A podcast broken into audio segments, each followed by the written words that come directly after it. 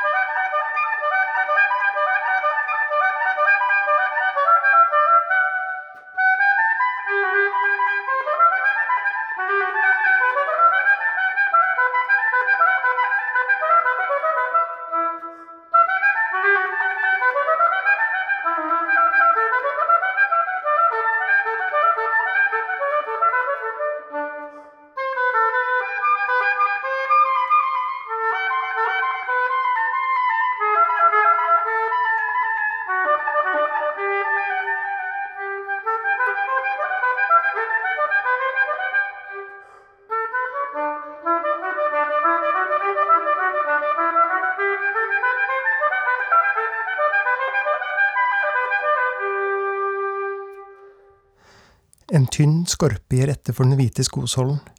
Heldigvis er det ikke vann under. Gresset mellom hjulsporene står stivt og gult og klorer opprommet mellom skoen og buksekanten. Hun ser opp og gjør et lite hopp over den neste ishinnen, den er mørkere. Morgenluften inneholder ingen av luktene etter sist gjødsling. Kulden har kapslet sommeren inne før landskapet skal bres over med hvitt. Kirken kaster en lang skygge mot henne fra toppen av haugen.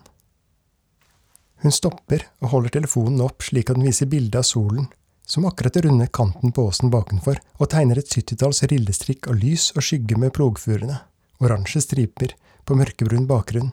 Stedet der hun ble døpt og konfirmert i bakgrunnen, bryter opp mønsteret med en avlang trekant som peker skrått mot henne.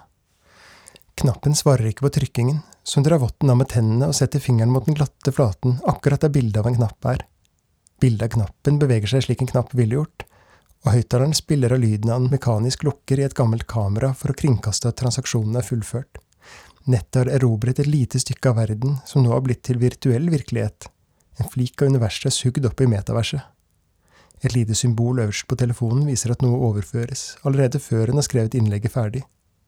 Tommel mot glassplate, bilde av tommel på glassplate, og en liten varme innvendig der den store verden møter den lille. Hjerteøyne. Hun ser opp. Foran henne på veien står en stivbent rådyrbukk og stirrer på henne. Den raper høyt da hun løfter telefonen mot den, et skrik av angst gjennom naturen. Hun skvetter og fikler med skjermen som bare viser hennes egen reaksjon, og da hun får snudd kameraet og bildet av veien foran henne kommer til syne, er bukken ute av syne. Hun går frem til der den sto, men ser ingen spor. Kanskje står hun nøyaktig der den sto før den forsvant. Hun kveler en rap. Ingen liker bildet av kirken. Ennå. Oppe ved hovedveien følger hun stien på innsiden av autovernet, samme farge som det nye Munch-museet. Det var læreren som hadde gjort sammenligningen.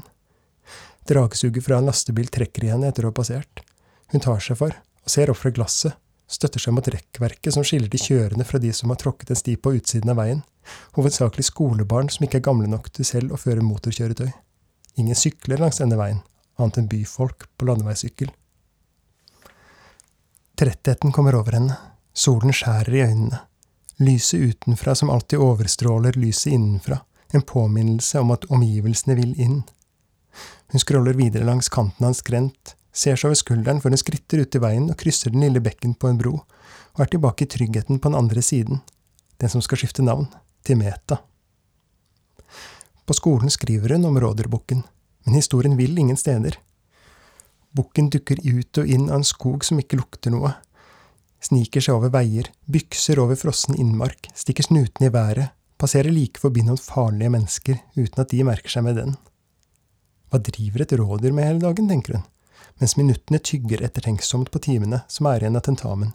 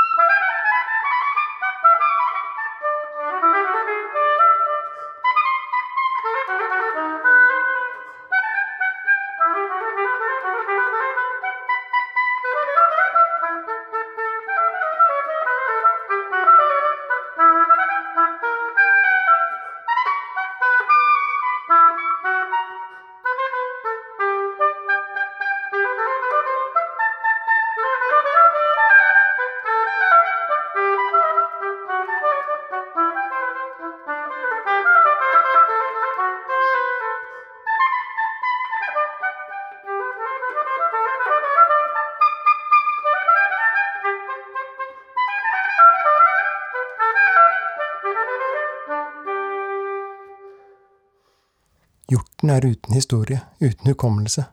Den prøver å gripe sin egen plass i verden, men blir alltid distrahert av noe som skjer, noe den kan stoppe opp og kikke på, som om den bare finnes når den observerer andre.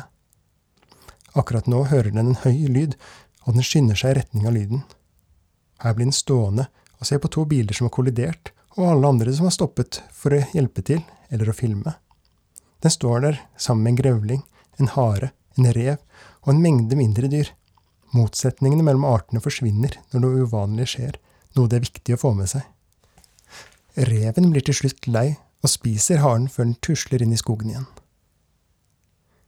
Hun skriver bukken ut av skogen og inn i en forstad til en liten by. Her sniker den seg fra hage til hage, mens den undrer seg over alt den ser. Forlatte leker, biler som står i ro, og avlange felt med lys tegnet opp i gresset utenfor vinduene. Den kikker inn i stuene, barnerommene, kjøkken der ingen snakker med hverandre. Ansiktene er bleke i lyset fra de små, avlange lampene de holder i hendene. Hun ser over historien. Ingen stor suksess så langt. I en forsøk på å finne en spenningskurve lar hun et barn snike seg innpå bukken der den står og kikker inn. Den skvetter til og raper høyt. Ungen snubler bakover med redde øyne. Så bøyer dyret seg ned og stikker mulen frem mot barnet, setter seg ned på kne og lar det klatre opp på ryggen. De går inn i skogen idet tiden er ute. Barnet og den forbannede bukken løper ut av fortellingen og etterlater seg et stort hull som blir stående og gape på den siste siden. Det går et skrik av angst gjennom foreldrene til barnet, naturen og hodet hennes da hun leverer oppgaven. Hun går en omvei utenfor de som står og lener seg mot rekkverket ved fotballplassen. Det har begynt å mørkne da hun går stien hjem forbi jordet nedenfor kirken. I jakttårnet nede ved elven ser hun silhuetten av onkelen. Geværet peker utover det åpne landskapet og inn i natten.